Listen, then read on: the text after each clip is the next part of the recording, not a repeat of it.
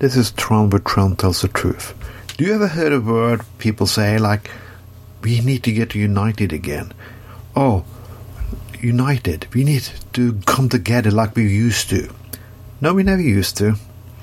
When Republican and conservatives talk about u- unity, they talk about unity like they want other voices who can tell them they're assholes. They will not independent voices like women, black people, and so on, so on. Fact, for the 60s, destroyed America. Yes, the great fucking world. It's not only United States they talk like that. They talk like that in Norway, in Europe too. Like they want like like a divided unity with people before. No, the rich have always been screwing the poor, and the poor have always been used to play the game for the rich people. And there's always been racism, always been sexism, and so on, so on, so on. I can be agree with we need a unity. We need to come together. We cannot come together if we do not acknowledge the problem there is. Sexism is a problem. The Me Too movement is reality. They didn't come up in a vacuum. They came because there were problems. There were issues they need to address. Racism, exactly the same. I don't think people, black people, complain or just go march around the streets and are angry just because they like to be angry. People are getting killed because they're black. You have to acknowledge that.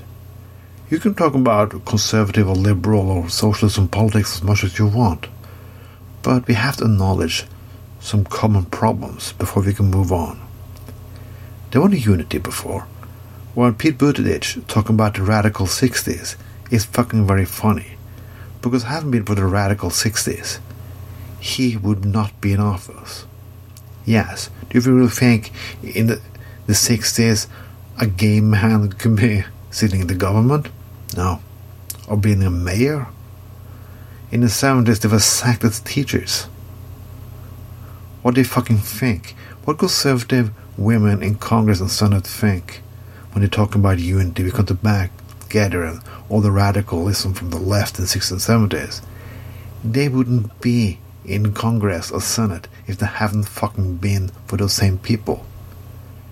Because we can, conservatives are always good at saying, like, not having a different ish uh, answer to the question, just pretend that the question doesn't exist. Climate doesn't exist. Sexism doesn't exist. Racism doesn't exist. We need unity. Well, if you want unity, you have to come together and discuss these issues. You can be disagreeing about what kind of politics and so on going to be used on those issues. But you have to acknowledge the issues exist. If you don't do that, we cannot have any unity.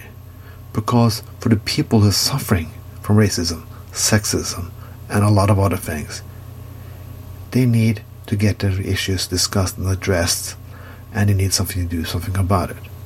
There's not a lot, a lot of issues who's coming up now. It's not a left and right issue, but we're making them the left and right issue.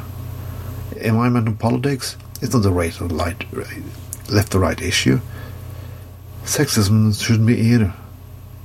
But here we are. We're making these questions up to be about left and right. If you do that constantly, we will get no unity. There are no middle to meet in anymore. I talked about this before. We cannot push things farther to the right and said if you don't do that, we we don't have unity. The world today, we need to come together. But how are we going to get together? That's another issue. This was Tron. Tron tells the truth. Fuck you all.